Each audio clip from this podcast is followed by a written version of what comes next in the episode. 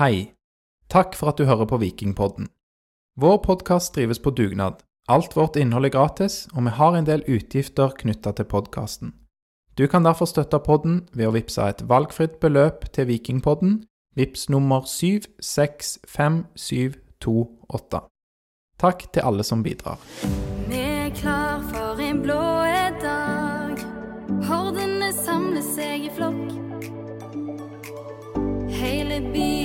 på samme lag, kledd i mørkeblått. Med viking... Velkommen til episode 188 av Vikingpodden. Ti seire på rad har det blitt, og denne satt langt inne. Viking har altså vunnet 1-0 hjemme mot Stabæk, og datoen er 20. august 2022. Velkommen til Lars Takk for det, Aleksander. og til Torjer. Takk for det, Aleksander. Dere er greie som bruker mitt navn aktivt òg i den eh, takkingen deres. Um, ja, Vi skal i denne episoden snakke om eh, Viking seier mot Stabæk. Hva som skjedde på denne dagen, altså i 2023, men òg hva som skjedde på denne dagen i 1979 og 1989. Eh, og vi skal høre litt fra ja, spillere, litt intervjuer. Blant annet skal de snakke om hva de skal gjøre når det nå er spillefri neste helg, for kampen borte mot Molde har blitt utsatt. Altså, midt jeg en eh, stor jobb i dag med masse klipp som vi skal vises. Det er helt sant. For eh, vi har fått eh, tilbakemelding om det etter forrige episode òg, at vi må bare minne de som lytter på denne podkasten på at hvis det, man hører litt støy i bakgrunnen når vi snakker om mål og sånne ting, så er det fordi at vi faktisk da viser og spiller av klippene litt sånn i bakgrunnen, og det kan man nok da se målene i parallell for de som velger å se på denne, denne podkasten. Så ja, så det er sagt innledningsvis òg, så slipper de som lytter på og lurer på hvorfor det er litt sånn støy eh, eller lyd fra kampen. Ja, det er ikke støy i hvert fall. Det er jo den beste lyden vi vet i verden. Stadionlyd fra SR Bank Arena. Det er ikke det verste man kan høre på. Hva er det verste du kan høre på, Aleksander? Det skal vi ikke høre på på denne podkasten i hvert Ah, fall. ok. Åh, det skal Ballspark. syns du det? Jeg syns det er en ganske bra er podkast. er. Brannpodkasten der. Ja. Um, nei, det er mange ille ting å høre på. Jeg skal tenke nøye på, gjennom det, og så um, skal jeg gi deg svaret senere. Du kan be om, om forslag fra lytterne hvis du, hvis du ja, har Hva lyst er til det det. verste som går an å høre på? Håper ingen sa Vikingpodden. Det hadde vært litt dumt. Ja. Du legger opp til at folk skal svare det nå, men det får Ah, uff. Ja. Du spiller, seg ikke god, men vi, vi drar oss tilbake til den kampen som har vært her i dag. Eh, seieren mot eh, Stabæk og Viking, da med en førsteelver som de aldri har stilt med før, med Gunnarsson i mål. Herman Haugen er høyrebekk, og Sondre Langås har kommet inn på stoppeplass, eh, sammen med David Brekalo, og Shane Patinama spiller venstrebekk. Så er det Patrick Jaspek som er tilbake etter karantene, og der spiller han sammen med Markus Solbakken og Harald Nilsen Tangen på midtbanen. Og så har vi trioen på topp, som har sett ganske mange ganger denne sesongen. Det er Sander Svendsen, eh, Lars Jørgen Salvesen og Slatko Tripic. Lars. Sondre Langås på stopperplass. Ja, det er helt riktig, Aleksander. Det var Sondre Langås eh, som spilte. Den eneste plassen det kanskje var Eller en av få plasser, i hvert fall, det var knytta litt spenning til. Eh, Viljar Vevatnet og Sondre Langås kjempa om den, og ikke veldig overraskende så ble det Langås som fikk eh, tillit fra start. Ja. Ikke overraskende, sier du. Du var forberedt på det. Jeg var veldig i tvil, jeg personlig. Det kunne like gjerne vært Vevatnet som fikk han. Ja, ja, det kunne det, men jeg, men jeg tenker litt at eh, når han har blitt kjøpt inn, spiller ved siden av eh, Brekalo, eh, og at eh, i en kamp der Vikings kommer til å måtte stå høyt, så er fart, fart i stopperleddet viktig, og det har Langås mer enn Vevatnet.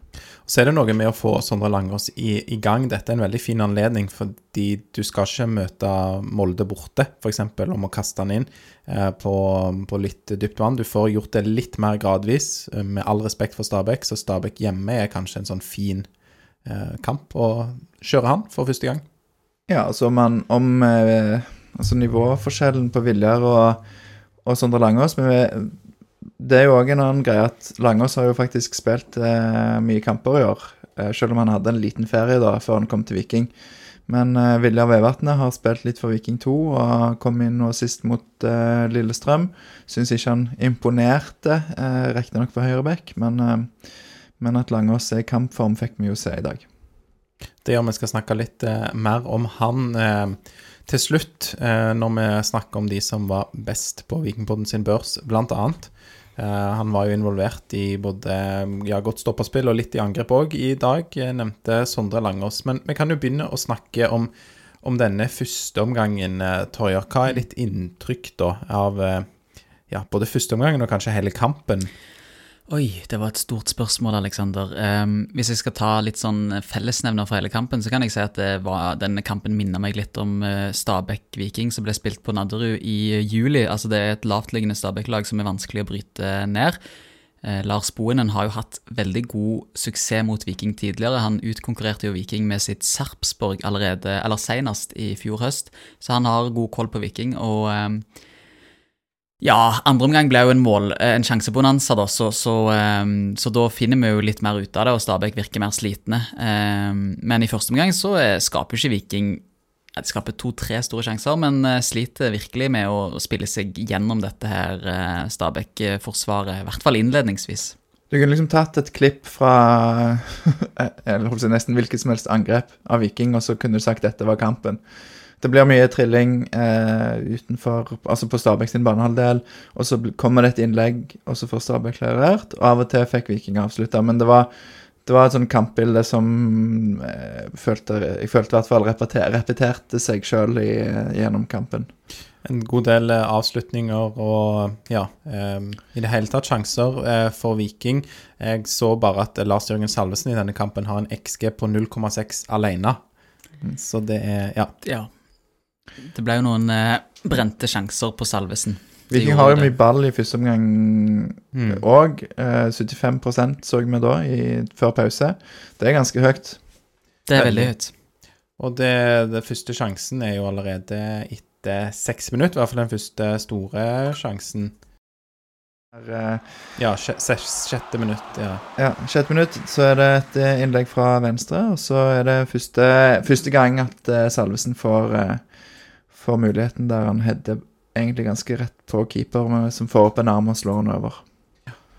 Det, det, var det. Rett etterpå så har jo Tangen òg et skudd i det tiende minutt, der han kan treffe mål, men eh, blæste ballen himmelhøyt over etter veldig fint forarbeid, der han drar av en, en mann på Stabæk, finter at han skal innover i banen, og så, så går han istedenfor utover, men, men smyger seg innover og får curla. Men eh, ja. Men det er, det er en del, da.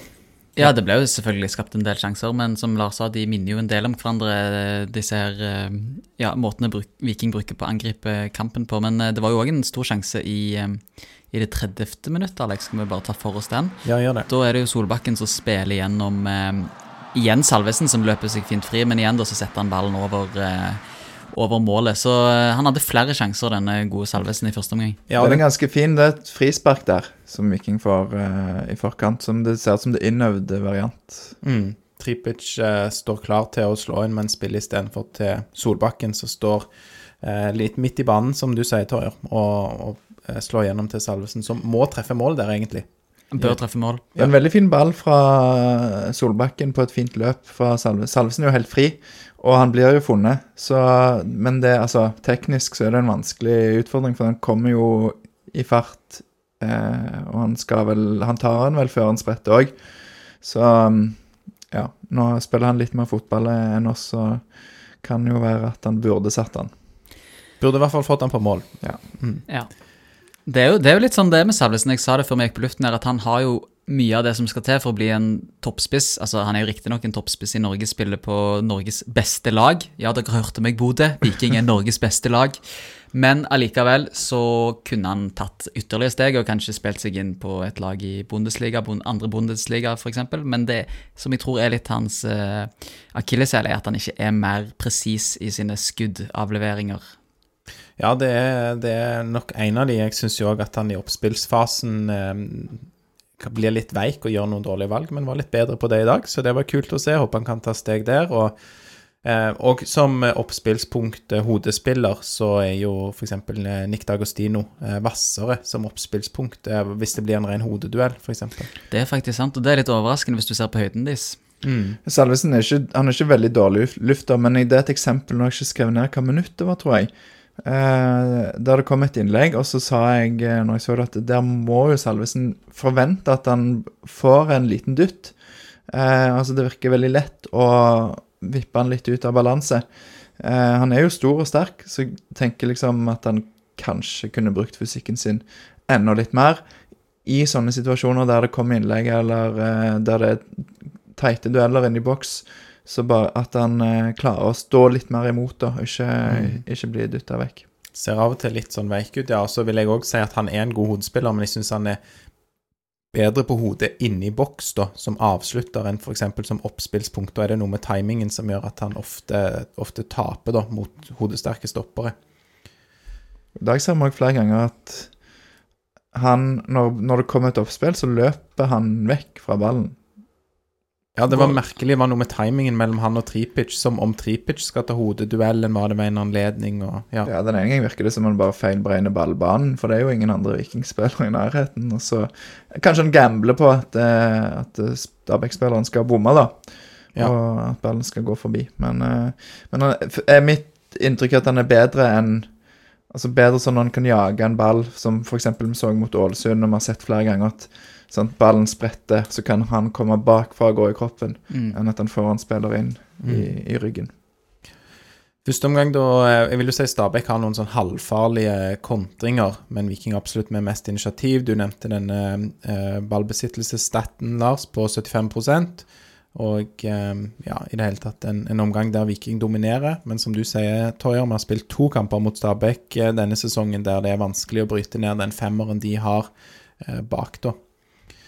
Ehm, ja. Andre omgang er jo litt, uh, litt lik uh, som første. Det er jo en stor sjanse til Salvesen i det 48. minutt. Det legg fra Patinama, uh, der Salvesen nok en gang da avslutter utenfor Eller over, er det kanskje. Så ja, på hodet. Så han er nødt til å få, få noen av disse flere på, på mål. Det ble, mye, det ble litt strengt mot Salvesen i dag, men ja, det er jo Men det er jo òg tøffe Altså, Stabæk er jo et godt forsvarslag. Så i, i iallfall en del av disse situasjonene så er jo gjør jo de det vanskelig for Salvesen òg, da. Mm. Det må jo tas med i Jeg tror, det, jeg tror det er litt sånn eh, vonde traumer fra vårsesongen, der Salvesen brant ganske mye. Og så har vi nok blitt litt godt vant til det siste med at han setter en del, og har fått nå syv mål denne sesongen faktisk som ikke er altfor gale. Og så plutselig var han litt tilbake til gamle synder da, med å brenne en del foran kassa i dag. Så det er sikkert derfor det er litt sånn ekstra vondt for oss da, som ønsker en storspiss på topp. Men det har jo han sagt eh, noe om i intervju med deg òg, annet før, Lars. Eh, altså, når du har snakka med Lars Jørgen Salvesen, så har han sagt at eh, det, sånn vil det være, kanskje, noen perioder, og så andre ganger så løsner så er det lettere å få, få hull på, på den bullen. Så vi får håpe det, det løsner nå neste anledning, da, som er Vålerenga hjemme om to uker. Det skuddet i det syvende minutt, eller headingen i det syvende minutt, syvende minutt var for øvrig eneste gang han traff mål med avslutningen sin. Ja, riktig. I det 52. minutt så er det jo da Haugen som får avslutta, Torjar. Det er Haugen som får avslutta. Da er det jo da først eh, Nilsen Tangen som ruller fint opp. Og så er det jo da igjen Salvesen faktisk som eh, ikke treffer på avslutningen. Eh, ballen når eh, Haugen som står på motsatt hjørne, som setter han eh, på mål. Men eh, der er jo òg Stabæk sin siste skanse godt med på notene. Han var god i dag. Eh, Hvem som var keeper på Stabæk? Den eh, Petterson, Carl Petterson tror jeg de kjøpte han vel Nei, Isak Petterson. Er han ny, eller? Tror de henta han før denne sesongen, uten at jeg er 100 sikker. Eh, en liten kommentar bare til oppsummeringen din der. så ser jeg, mitt, Min tanke, når det, både når det skjedde og når jeg så det nå, var at Salvesen demper ballen for Haugen. Ok. Ja. Men eh, det, det kan være jeg tar feil. Ja. Ja. Det har skjedd en gang. I, I livet. ja. Ja. Ja. Det kan jo interesserte lyttere finne en reprise av, og så se om igjen og om igjen, men uansett så er det, Det er litt- Haugen, Haugen får avslutta til slutt. Ja, og så er det litt sånn der eh, Det, det er ikke Bjørsol-nivå på den eh, avslutningen, for å si det sånn. Nei, jeg må skyte opp der. Ja, skyte flatt, eh, Haugen. I det 54. minutt så er det jo en litt sånn Ja, det kunne vært en drømmedebut for Sondre Langås, Lars.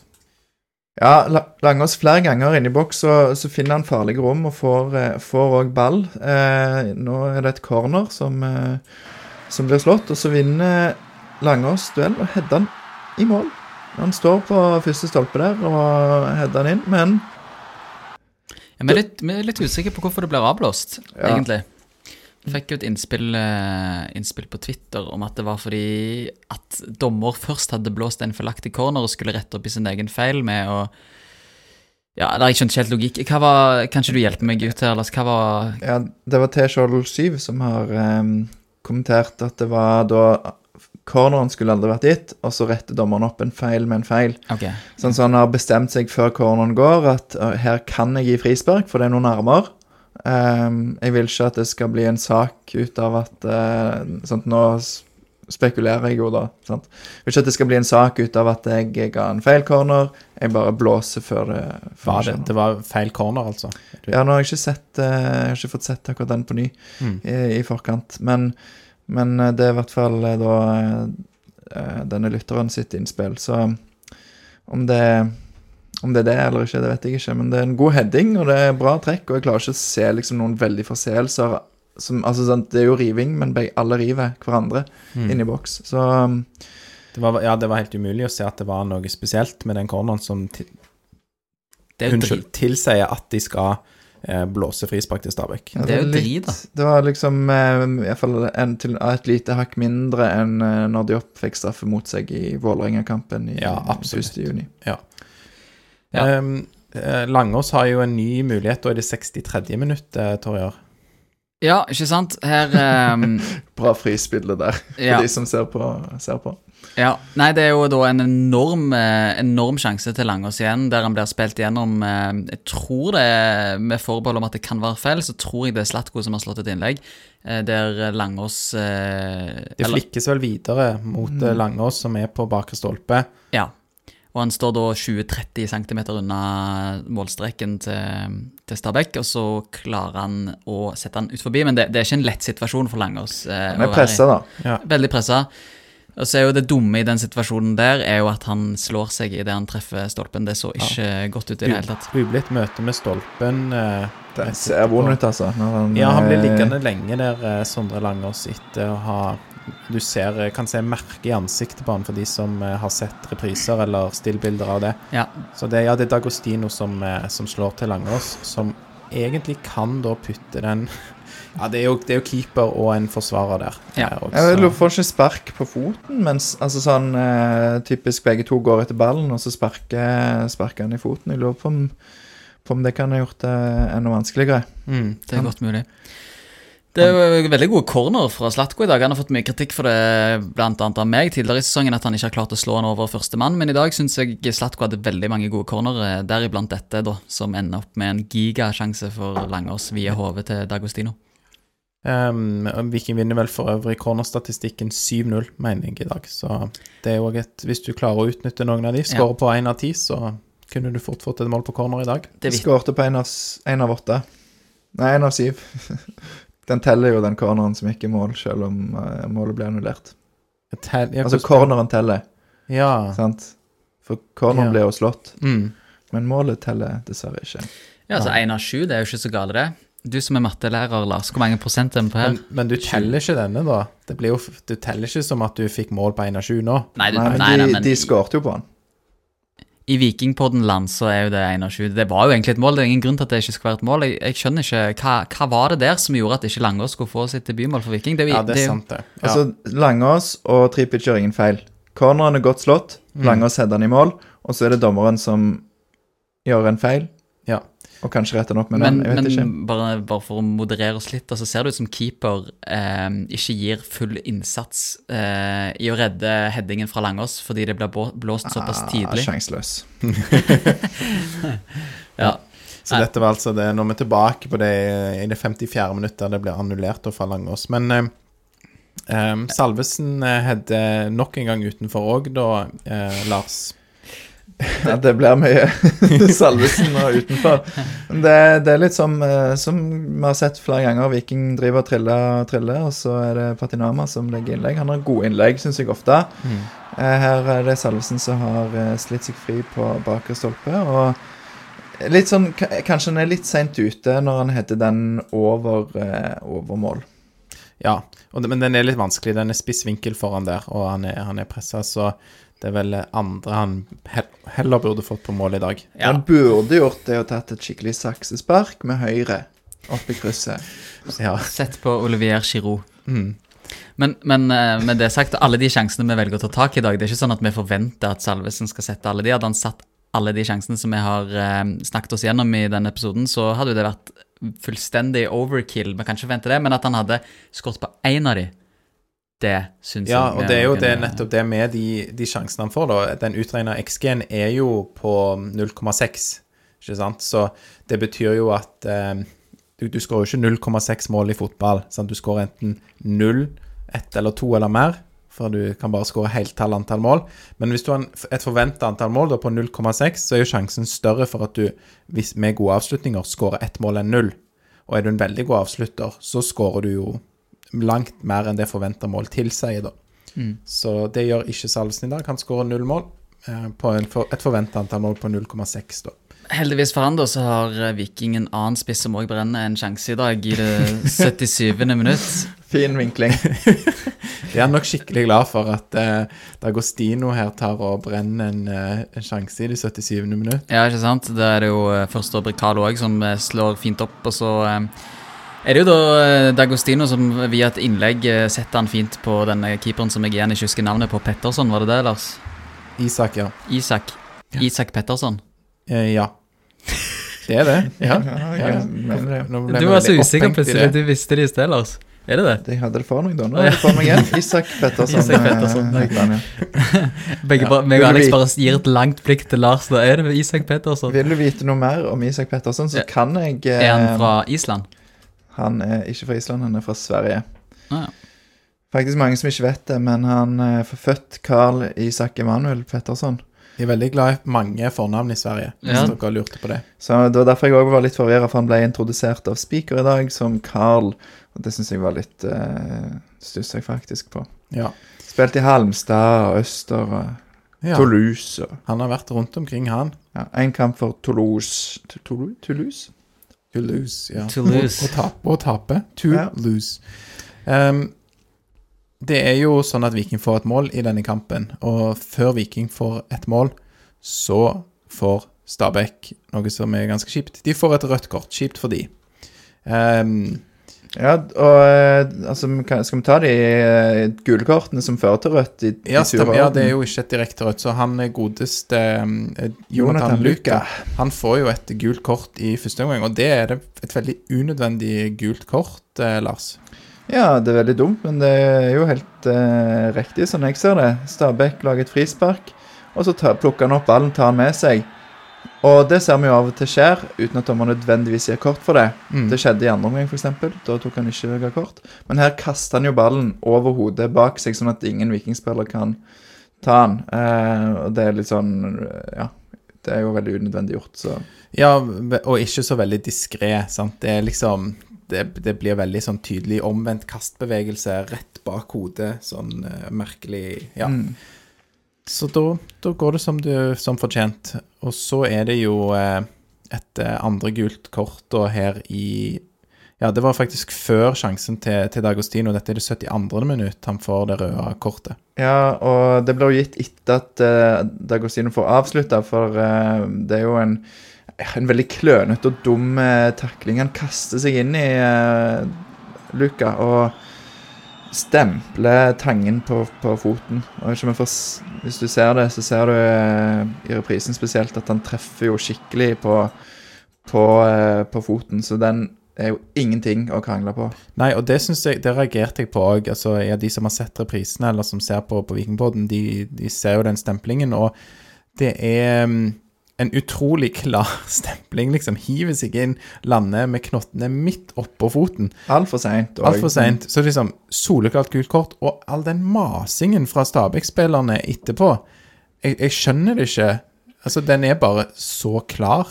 Det, det jo Så utrolig sein, og stempler rett oppå foten. Men Ja. Stabæk tar jo alt de kan ha, ta av sånn stopp i spillet og uttaling av tid, så Ja, det var noen Ja. merkelige greier i dag, da. Det er mye Han merkelig. eh, Mushaga Bakenga òg oppi dommer og bare fjaser. Og han, går jo, altså han følger jo etter han sånn, og, og altså med hendene foran og liksom ber, og lurer på liksom hva forventer han at eh, dommer skal gjøre om dette andre gullkortet pga. Mushaga Bakenga bønnfaller han om det. Mm. Veldig merkelig. Veldig rart. Og ehm, jeg, der tror jeg jo han Han vet at dommeren akkurat har gitt ett rødt kort, så at han Musha Gabakenga har jo et gult kort på dette tidspunktet. er jo nesten, han, Da føler han seg freda fra å få sitt andre. Men, eh, men dommer Jeg tror kanskje dommer håndterer det greit, og etter hvert så gir jo han uh, Musha Gabakenga tommel opp til dommer. Så ja, hvis jeg hadde vært dommer der, så hadde jeg sagt sånn Jeg skjønner at det ser veldig dårlig ut for meg i denne kampen hvis jeg må gi to røde kort til Stabæk, men du holder kjeft for at jeg gir et gult kort hvis ikke du eh, gir deg nå. Og gjerne ta han litt på skulder og armen og drar litt igjen. Det har vi sett eh, dommere har gjort med suksess før. Så. Ja, og løfte spillere og sånn. Ja. Ja, det var jo Forrige hjemmekamp så fikk jo Slatko Tripic ble jo dratt i armen av dommer. ja, stemmer det. Ja. Ja, Merkelig når dommer eh, skal inn og introdusere seg sjøl på den måten. Så ja. Men ja, så, så han håndterte det bedre enn det, syns jeg. Ja. Nei, eh, Hvem var dagens dommer i dag, Lars, du som har kontroll på Sivert Amland. Sivert Amland? Lå på han heter Øksnes òg, men det kan være bare jeg husker feil. han så veldig ung ut på TV-en, i hvert fall. Ja, For du har en liten fotballskade, så du har sett denne kampen på TV-en, Ja. Torjer. Mm.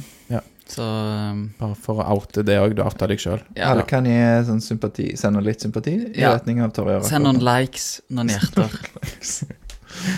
Jeg tenker varme tanker holder jeg for. Men eh, gjerne likes hvis du Ja. Nå skal vi snakke om noe litt lystigere enn dommeren. Jeg syns det er så kjedelig å snakke om dommerne, Alexander. Når de, er, de er jo så dårlige òg. Nei da.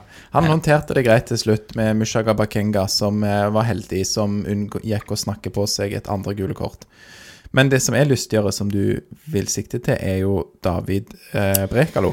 Ja, når vi har spisser som brenner en del sjanser, så er det deilig at vi har en stopper som vet hvor målet står. Viking spiller seg faktisk ut helt bakfra eh, via Patrick Gunnarsson, og så når ballen da Trippic til slutt, som slår videre til Bjørsol, som har gått på et løp, som finner David Bricalo som står og venter i feltet.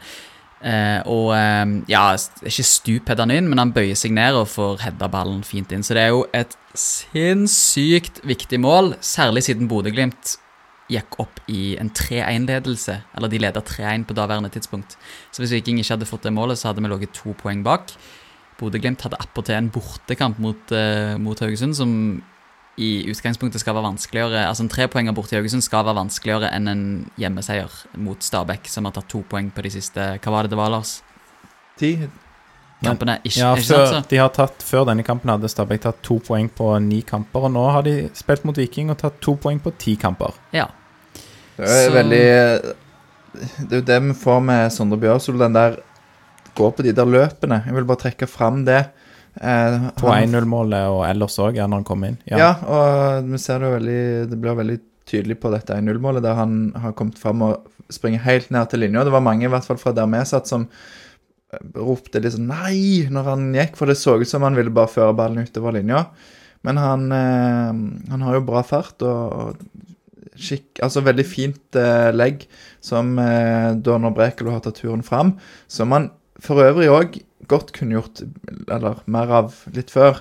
Men jeg, for jeg la merke til det før det angrepet, så så han bort på, på benken, tror jeg, og så eh, sprang han fram. Så det var liksom, da fikk han et nikk at eh, nå må du opp.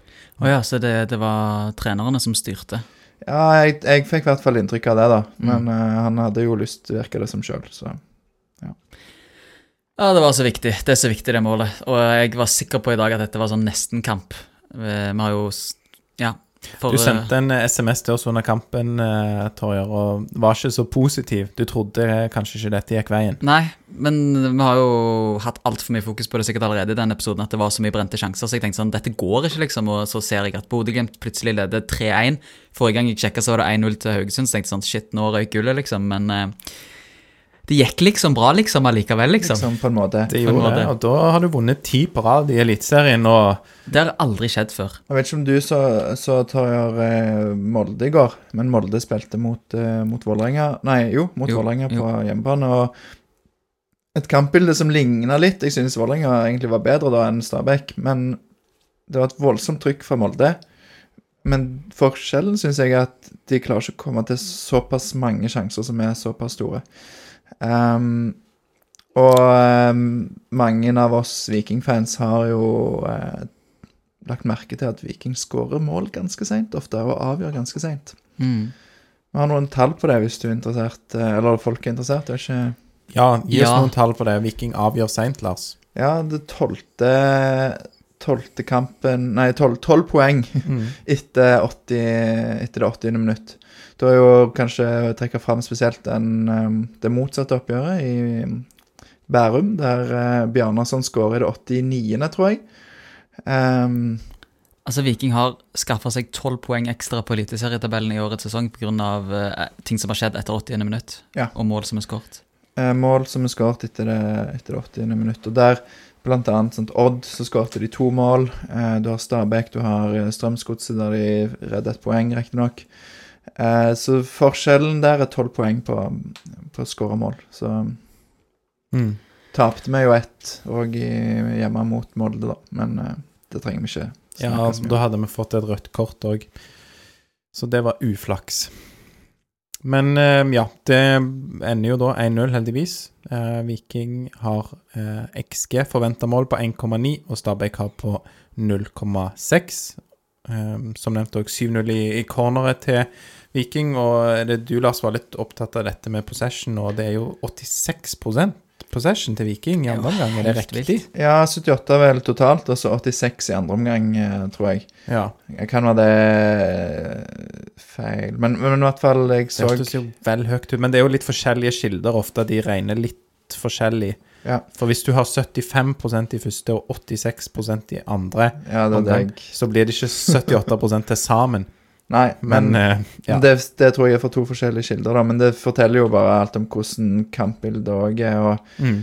Godt over 80% i hvert fall da possession på Viking i andre omgang uansett. Det er jo helt sykt. Og så har jo um, Viking det som heter momentum, da. Det er jo en sånn Vi liker fotmobb. Mm. Og for de som ser på, så kan jeg òg bare fortelle at eh, basert på spill, så er det liksom høyere blått eh, Viking. Og det er bare liksom tre-fire ganger at eh, Stabæk har noe som helst å komme med. Og det oppsummerer vi jo når vi oppsummerer, så er det jo ingen Stabæk-sjanser. Så det er et enormt eh, trykk fra Viking i hele kampen, sånn inne på Stabæk sin halvdel. Ja, virkelig. Og det er jo kanskje noe som er, er verdt å sjekke ut. Sikkert mange som har eh, disse appene, Fotmob og Sofascore. De jeg har brukt mest, og jeg tror vi har brukt mest. Eh, og litt òg selvfølgelig for de spesielt interesserte, men er du litt ekstra interessert i sånn statistikk og momentumgrafer, som Lars her beskrev, så sjekk gjerne ut en av de appene og registrer Viking som et eh, favorittlag der.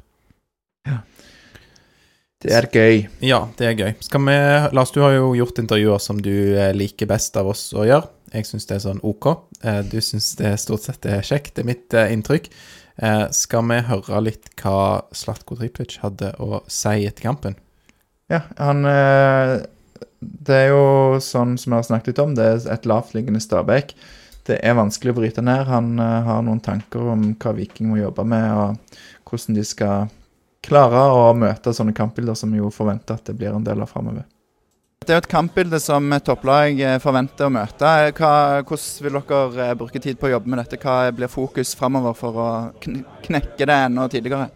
Nei, nå har vi jo en helg eh, kampfri her nå, så skal vi bruke tida godt. og Jeg tror det er viktig å se gjennom en del eh, klipp fra denne kampen her og se hvordan vi kan eh, gjøre ting bedre. Det, det er nok en del ting vi kan og bør gjøre bedre. og så eh, Nøkkelordet her er jo tempo. Vi må ha mye høyere balltempo. Vi er nødt til å være flinke på å eh, finne hverandre på riktig tidspunkt og det å være eh, ja, tålmodige nok. Så det er ganske mye vi er nødt til å forbedre. Men igjen, eh, vi skaper mye sjanse. Det hadde blitt en helt annen kamp hadde vi skåret tidligere, og eh, allikevel viser masse kvalitet og en ekstrem mentalitet og klare å skåre mot slutten av kampen. og Flott skåring av David. Ja, så tempo er nøkkelord, da. Mm.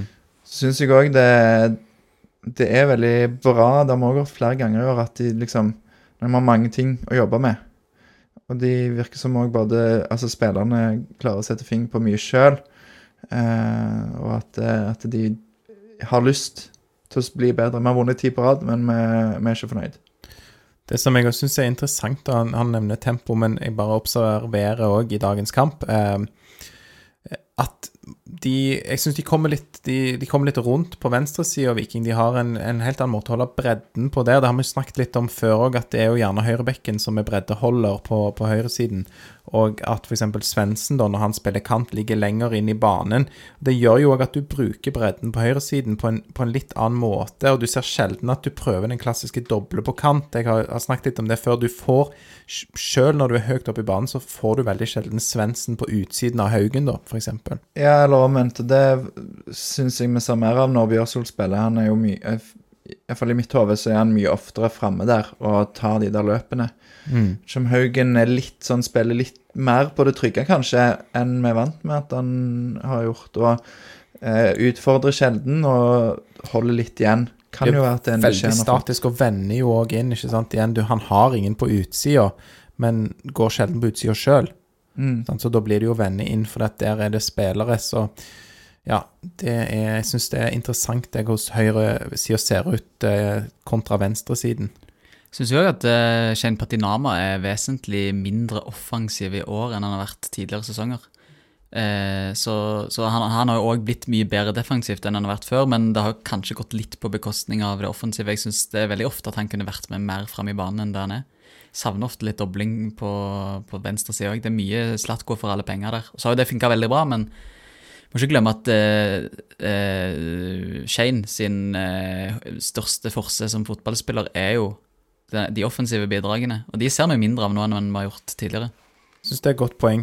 Du, du har litt av det i dag, men jeg gjetter jo, det kan vi sikkert se noe statistikk på, at Sondre Bjørsvold, som spiller en, en halvtime, vel, eh, han har mer enn de, både Haugen og Patinama, Mm. mistenker jeg. Så For det, jeg tenker jo det handler en, en del om balanse, da. For det Bjørsol har jo vært mye mer offensiv i år enn enn før, har han ikke det? jo, virkelig. All statistikk tilsier det, i hvert fall. Og da kan en jo si at hvis Patinama skal være like offensiv som Bjørsol hele veien, Mm. så blir det veldig sårbart bak, da. Absolutt. Og det er, ja, det er godt poeng, for det, det er jo viktig å huske på hvem er det som er rekkekameraten til Patinama, er jo Harald Nilsen Tangen, som ikke har like gode defensive bidrag som Patrick Aspek, som er helt rå.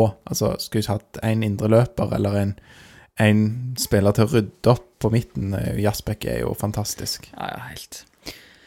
Ja, det Jeg vet ikke, jeg føler jeg, jeg husker ikke hvem som skrev det, eller om det er en av oss sjøl som har sagt det, men jeg mener jeg leste en eller annen tweet et sted om at Viking har ikke signert en dårlig spiller de siste tre-fire årene. Selvfølgelig sikkert litt for uh, hvitmaling av uh, realiteten, men det er ikke langt unna sannheten. Så Jasbek er òg et godt eksempel på det. Fy søren, for signeringene. er.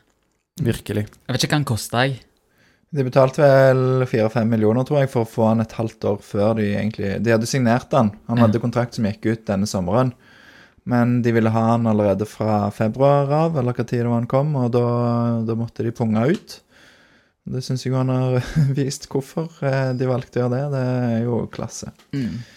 Det er sant at eh, han Han hjelper jo det for, for at det blir lettere for Sondre å gå.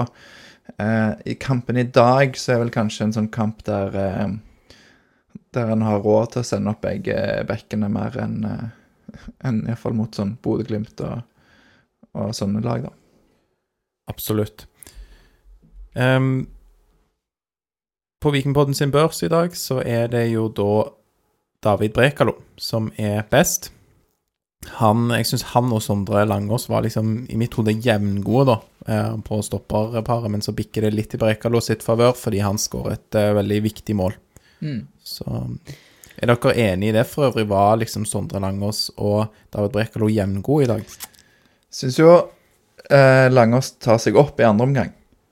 Han sier litt uh, sjøl òg. Han var ikke helt enig i at Aftenbladet kårer han til, til banens beste. Ehm, men det er en bra debut, og han, eh, Det er en kongedebut. han tør jo å, å ta plass, og tør jo, og tar jo for seg. Så Nei, det Jeg tror, jeg tror, eh, jeg tror han blir eh, Han blir veldig bra. Ja, ja. Mm. Nei, veldig god. Jeg er enig med Lars eh, sine ord. Så vil jeg bare si det at det var ikke debuten hans i dag. Debuten hans var som tiår i Lillestrøm forrige helg. Ja, det er et godt poeng. Og det var der han virkelig fikk skinne. For Typisk sånn tierkopp og Mm. moderere det litt, ja. Debut fra start Fra start. i dag for Sondre Langås. Um, Ja, og vi skal høre litt fra Sondre Langås eh, nå i eh, intervju, men de som vil høre hele intervjuet med Sondre Langås, de kan jo gjøre det på, på våre sosiale medier. Alt utenom TikTok. Ja. Ja. Og Og Snapchat. ja, det ligger ikke på Snapchat heller. Det er sant, det. Kanskje vi skal komme oss på Snapchat? Vi Vet får ikke ta om den jeg orker det. Eh, eh, ja. etterpå. tar vi. Er det ikke det ungdommene liker? Ja. Det kan være. Men, men eh, Lars, du har jo spurt eh, spillerne om mange spørsmål, men her i podden ønsker du å trekke fram og spille av noen spesielle ting. Hva er det du har spurt spillerne om? Ja, nå er det jo kampen mot Molde skulle vært spilt eh, neste helg. Den er blitt flytta pga. Eh, noen sånn europagreier. Jeg vet ikke helt hva det der er. Men eh, i hvert fall skal den spilles i eh, enten 30. september eller 1. oktober. Eh, det betyr at spillerne får fri. Det sa Bjarte Lund Aasheim, at eh, de gjør de fri lørdag-søndag. Og da er jo jeg eh, veldig interessert i å høre hva, hva de bruker denne fritiden på, da. Og ja, vi tar det ikke helt den rekkefølgen jeg snakka med dem, men vi kan ta Brekalo først, som jeg synes kanskje setter en standard. Uh, how will you enjoy your uh, next weekend when you don't have a game? I don't know, uh, and I think like if the boys now show the the um, the real will to to do something more this season, I think uh, they're gonna mostly stay in Stavanger and train and uh, prepare for the next coming games. Good, that sounds good for us. Thank you, David. Thank you. Du, du må øve deg på handshake, Lars. Ja, de som ikke, ikke ser intervjuet, de gikk glipp av noe. For på, på slutten av intervjuet så er det en fist bump meets handshake, er det det, Lars? ja, det, det tar jeg faktisk sjølkritikk på, men det ble jo litt løye, da. Eh, ja, nei, så for de som er litt uh, usikre på engelsken, så kan vi jo oppsummere kort med at han uh, mener jo at hvis guttene mener alvor, hvis lagkameraten hans mener alvor og vil noe mer, og det snakket litt om dette med at vi ligger i toppen, så regner han med at alle blir hjemme for å trene og fokusere på de neste kampene. Så det er hans fokus. Det er jo det minste en kan forvente midt i sesongen av spillerne, syns jeg. Neste helg, hva, hvordan vil du bruke den frihelgen? Nei, jeg skal nok bruke den med familien og planlegge bryllup litt. Grann. Nå, det er ikke så lenge til jeg skal gifte meg, så da skal jeg prøve å koble av fotballen. Men eh, før det så er det masse trening, og vi skal, vi skal nok se gjennom denne kampen på en veldig eh, Så får dere fri neste helg. Hva, hva blir fritida brukt til da, tror du? Eh, nei, for meg ble det faktisk å flytte inn i leilighet, så jeg skal ha brukt tida mi på det. Det høres fornuftig ut. Men da har du funnet deg en plass å bo. Det stemmer bra, så jeg har funnet rett avstand, så det blir fint. Gratulerer med det òg, og takk for at du tok deg tid til Vikingpodden igjen, Sondre Langås. Tusen takk. David Brekalo sier at eh, hvis vi virkelig vil noe, så regner han med at alle blir hjemme og trener neste helg når dere har fri. Hva kommentarer har du til det? Ja, hvor vi trener er vel ikke så farlig så lenge vi trener, tenker jeg. Hva er dine planer? Nei, jeg skal ha en tur til Spania, faktisk, og trene? og trene. Ja, Der hørte vi da først Slatko Tripica, og så var det Sondre Langås som snakket om eh, frihelger, og så var det til slutt Viljar Vevatnet. Ja, Eh, da- skal ikke folk, Lars, få lov til å planlegge bryllup og sånn når de har fri? Ja, jeg vet ikke Torjer, du mente jo at dette er kanskje det som er forskjellen, da? Ja, Hva søren er dette for noe? Nå har vi vunnet ti kamper på rad, og så begynner vi med sånn primadonna-nykker og reiser til Syden midt i sesong. Da vet vi hva som skjer hvis vi taper mot Nei, vi vet, da vet vi hvorfor hvis vi taper mot Vålerenga. Flytte, bryllup og Syden midt i august. Du gir dem det harde Ja, men helt ærlig, liksom, det, det er ikke innafor det, ass. Hadde jeg vært trener, jeg hadde aldri godtatt det. Treneren har jo gitt de fri. Det er Ja, noe men med det, det, da. Ja. Nei, men, men jeg syns eh, Ja, det er jo litt eh, Jeg syns det er litt løye, da, for det er sånn Brekalo som blir snakket om som den eh, en av de beste i Eliteserien, som, som kommer med et veldig sånn der eh, Egentlig legger litt press på lagkameratene sine om at en skal, skal fokusere på trening og, og sånn, og så um, får vi de svarene, men i dette så er det viktig å huske en ting, at dette er mennesker, dette òg. De har ikke veldig mye fri i løpet av sesongen, så de har jo skammøyfri, ikke i løpet av sesongen, men på vinteren. Er Ja, og så har de jo Altså, de trener, og så har de fri resten av dagen. Hallo? Ja, Nei. helt ærlig. Nei, men De har eh, nesten like mye fri som lærere. Ja, Mm. og de Men bare jo nesten. Ja, jeg men tipper de har mer fri Ja, kanskje. i løpet av et år. Faktisk. Nei, men poenget er at da Altså at de bruker den tiden på noe som gir energi, er jo veldig viktig. At de kommer da tilbake på trening på, på mandag, og så har de fått eh, F.eks. Sondre Langås da har kanskje fått leiligheten sin i orden, og har det da har et bedre, en bedre hverdag av det. Det tenker jeg må være greit. Ja, jeg trekker meg litt på Sondre Langås. Det å flytte inn i ny leilighet det må... vil, Denne går til Vilja, primært. Det, Spania er det dårligste av de tre Av de tre intervjuene så Spania er det dårligste, den dårligste unnskyldningen for å få ikke planlegge bryllup. Men jeg syns det er greit når du har fri, så får du gjøre som du vil så lenge du ja, har treningsopplegget. Men det er jo selvfølgelig gøy i og med at Brekalo sier det han sier, og tenker at folk skal være der. Og uh, ja, der uh, gir han deg litt mat for litt sånn god uh, intervjuklipping, Lars. Ja, kan jeg jo bare si en ting om det med å gjøre intervjuer og sånn? Ja. Fikk en kommentar, et spørsmål på Twitter i dag om hvorfor jeg eh, ofte ser ned i gangen og sånn. For det, hvis du ser intervjuene, så ser du at eh, egentlig både jeg og den jeg intervjuer, av og til kaster et blikk nede ved gangen. Og eh, det er jo Jeg syns det er veldig gøy på en måte å være der nede. Det, det er veldig mye som skjer. Og så har du jo noen du har lyst til å snakke med, og de Altså, det står noen journalister på ei rekke der, og da står jeg gjerne sist. Og hvis de snakker med f.eks. Aftenbladet før meg, og jeg står og snakker med Det kan du faktisk se på et av intervjuene. Så står jeg og snakker med en, og så F.eks. Sondre Langås i dag var ferdig. Og så ser han ned om han skal snakke med noen mer, eller om han skal gå. Og da må jo jeg være på for å ta huka tak i han og si jeg skal, skal ha deg. For det selv om de er veldig flinke å stille opp og har gjerne gitt beskjed, så er det av og til enten at de glemmer seg ut, eller at de vil hjem og planlegge bryllup eller flytte i leilighet.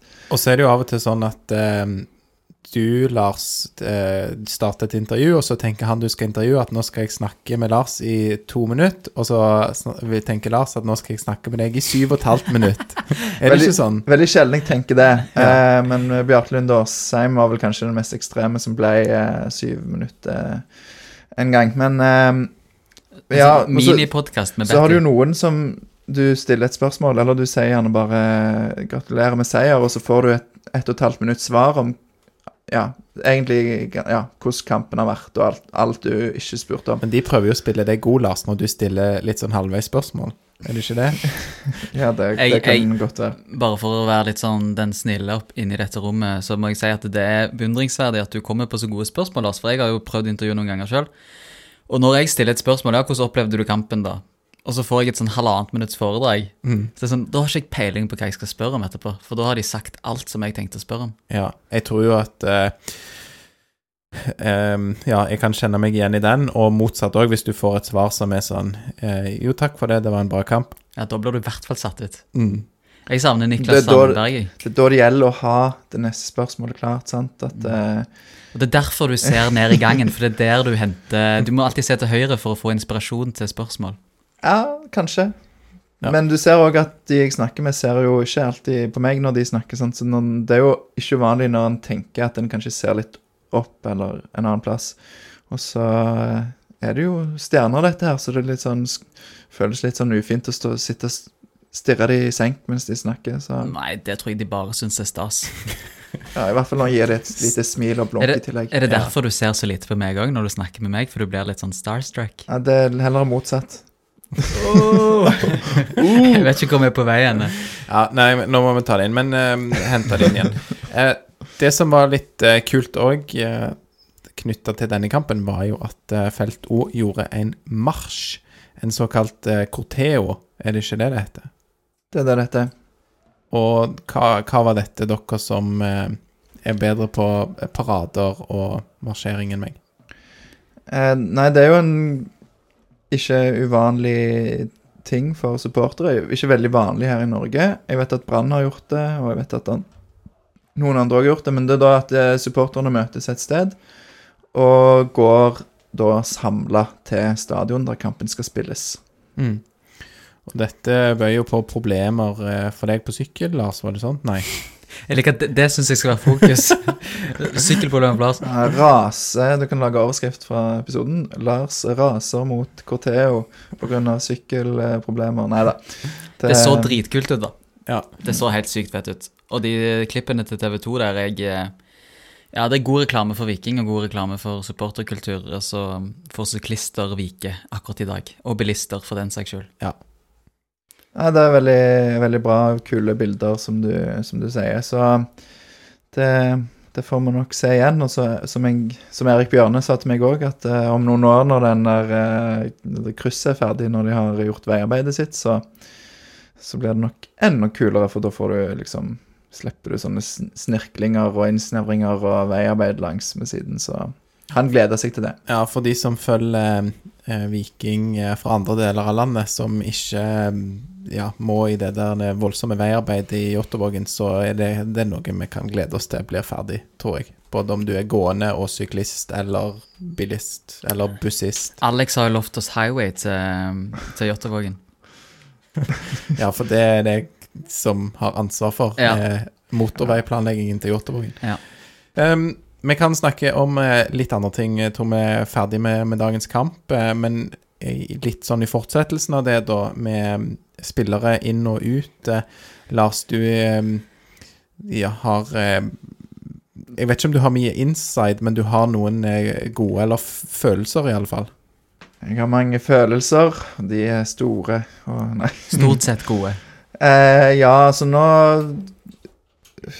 Når du, du penser meg inn på regning med overganger, ikke at det er veldig er mye mer sånn nervøs på forhånd siden Viking ligger på toppen. Det er overganger du vil snakke om. Ja. Ja. Eh, og der er jo sånn at overgangsvinduet stenger i Jeg tror det er midnatt 1.9. Eh, så det betyr at det er elleve dager igjen av eh, vinduet. Eh, og så litt lenger i Tyrkia, da. Det kan jo kan jo Det bli kan bety noe, det. det kan bety noe. Men, men i hvert fall eh, så er det jo da sånn at Viking virker veldig mye mer trygge nå enn før på at eh, de skal klare å beholde både Brekalo og Solbakken. Eh, selvfølgelig kan en aldri være helt trygg, men jeg, altså det at Viking ligger der de ligger, at de har vunnet ti på rad, gjør at det at styret har sagt at de er villige til å ta litt mer risiko, gjør at eh, Nevland eh, kan si nei til mer penger enn han, gjort, eh, enn han kunne gjort hvis situasjonen ikke var så bra i klubben som han er nå. Så det er det første som er bra. Og jeg tror òg seieren i dag er viktig fordi at da har vi fortsatt like mange poeng som Bodø-Glimt. Og at eh, det kan bety noe med tanke på spillere inn. For eh, som sagt så har styret i Viking gått med på å, ta en eh, kalkulert risiko og gå mot et styrt underskudd. Eh, som betyr at eh, da ja, er en ikke avhengig av selgeren, kan til og med bruke litt penger. Ehm, og så er jo tanken da at det kan betale seg i form av både økte billettinntekter, økte premiepenger og et eventuelt europaspill neste år. Sant? Så det, det er jo en langsiktig tanke. Forhåpentligvis òg, hvis en først da skal spille noe Nei, unnskyld, selge noen spillere, at de kan vise seg fram på en større scene, og at det òg eh, Det er i hvert fall en mulig gevinst da som kan komme ut av den eh, risikoen òg. Ja, og der kan du jo se på, på hvordan Bodø-Glimt har, har gjort med f.eks. at de sa nei til hva det var 60-70 millioner eh, bud på um, Hugo Vetlesen i vinter. Så får de solgt den for eh, 90 eller 100, jeg vet ikke. I hvert fall mer penger nå i, i sommer. Og det er jo summer som akkurat nå Viking egentlig bare kan drømme om. Eh, selv om Brekalo er god, så, så kommer han ikke til å bli solgt for 70 millioner hvis ikke han spiller i Europa.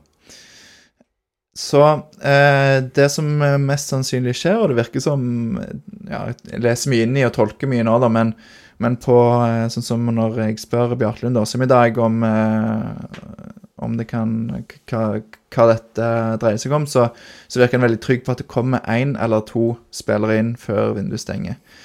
Eh, og han sier at de ser bare på gode spillere, så, så det er jo positivt.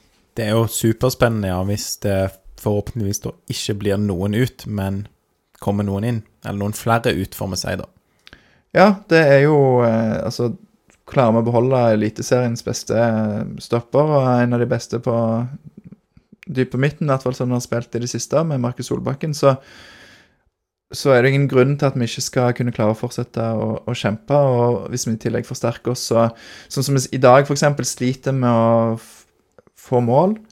Hvis vi hadde hatt en indreløper, kanskje, som har mer mål i seg, så, eh, så er jo det en bidrar til at han være en nå, da, i sånne lavtliggende lag som vi kommer til å møte en del av utover eh, høsten. Mm.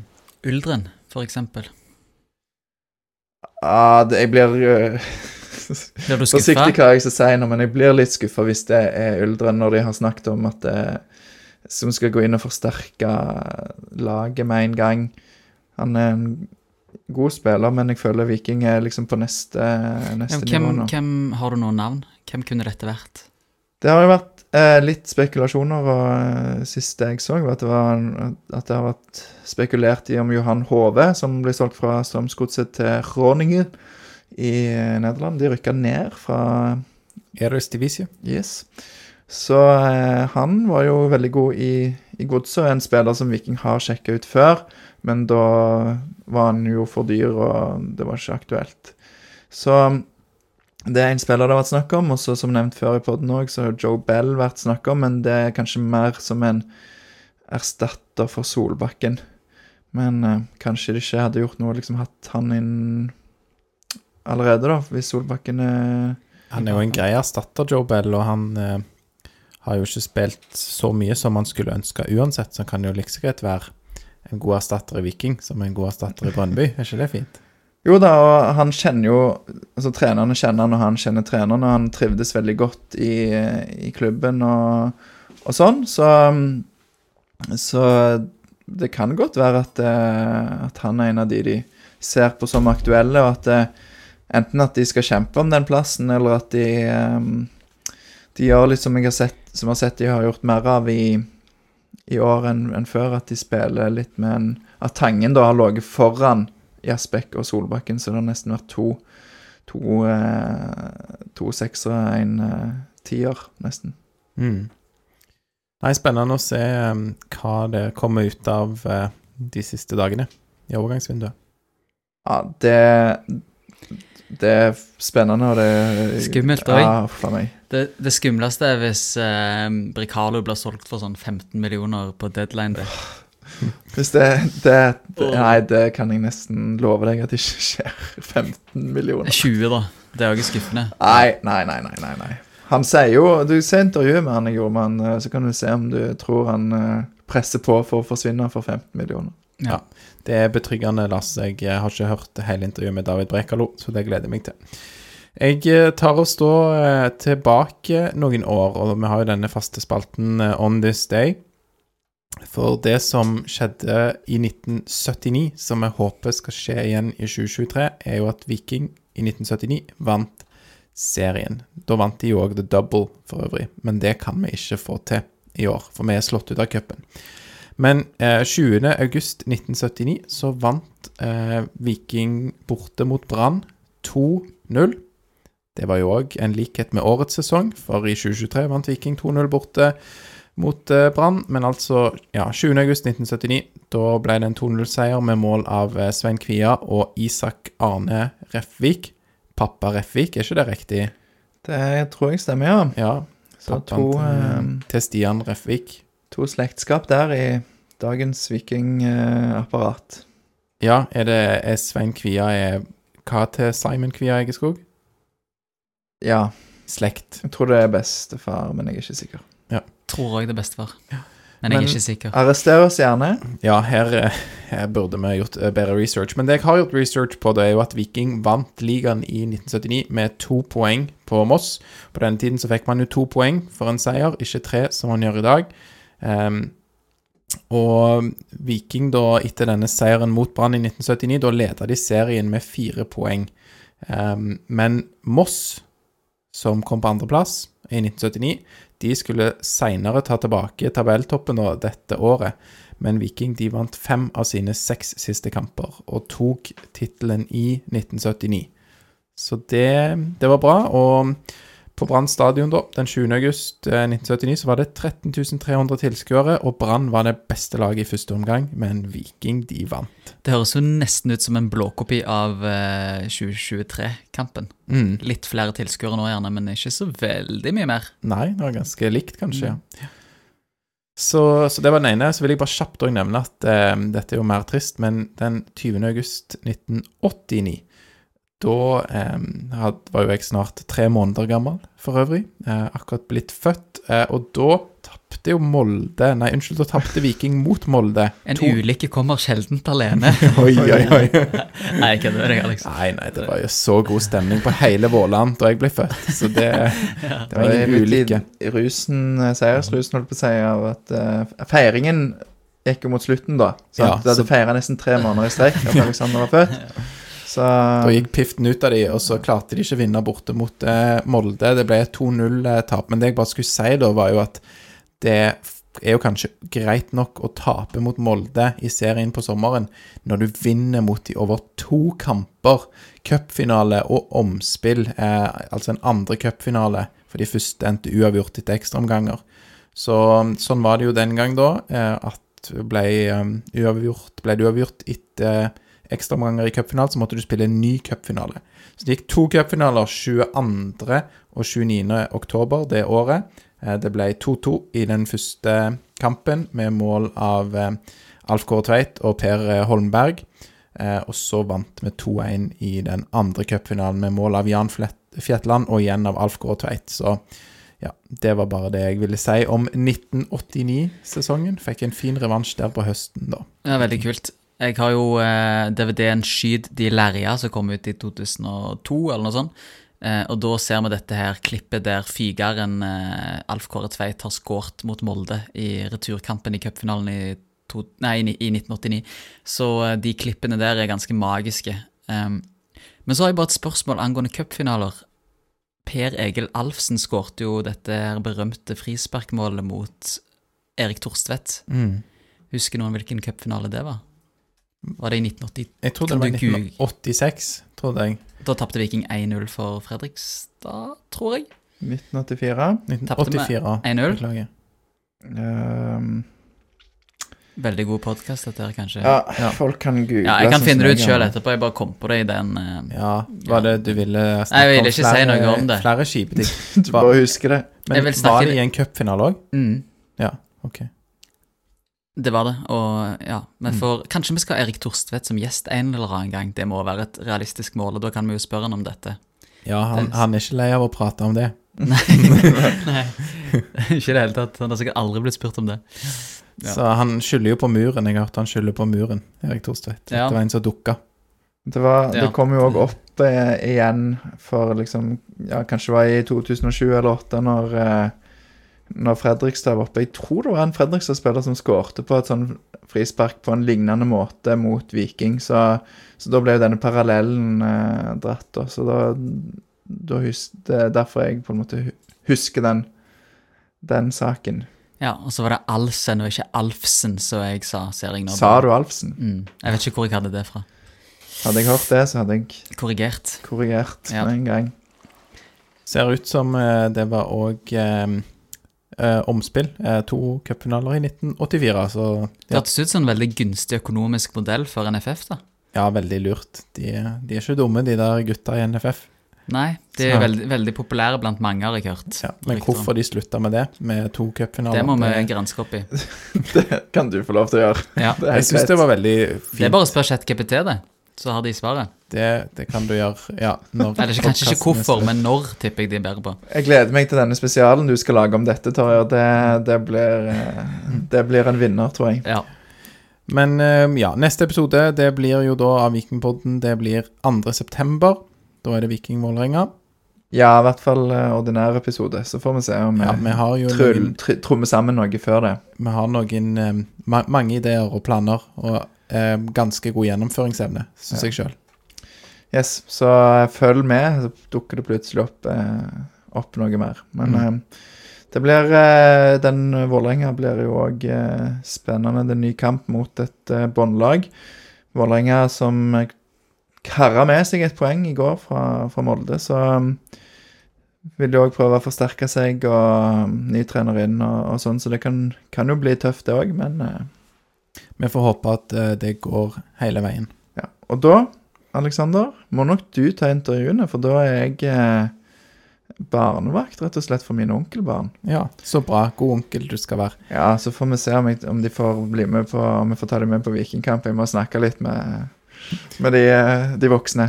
Ja, det høres bra ut. Um, før vi avslutter, vil vi bare si òg takk til alle som bidrar til Vikingpodden, gir uh, innspill og kommenterer på børs og intervjuer og andre ting vi legger ut. Og takk til alle som har støtta oss eh, økonomisk, og tusen takk til alle som hører på, enten det er en gang innimellom eller om man gjør det fast. Eh, settes veldig pris på. Eh, og så er det jo Vi prøver jo å forbedre oss og gjøre noen endringer på format og legge til nye ting. Og om noen eh, da ser på dette på YouTube og har noen innspill til hvordan vi kan gjøre med videoklipp og sånne ting, ja, gi oss en, gjerne en lyd. Og, og hvis det er ting for både de som hører og ser på, andre innspill, ris og ros, ting som kan gjøres annerledes, eh, bare komme med forslag. Vi er åpen for eh, både ris og ros, og tar gjerne rosen på sånn eh, rating på iTunes og Spotify og sånn, og så send risen direkte til oss, så skal vi få fikse opp i det. Mm. Ja, det høres eh, veldig bra ut. Så da avslutter vi denne episoden av Vikingpodden med å si én, to, tre Heia Viking!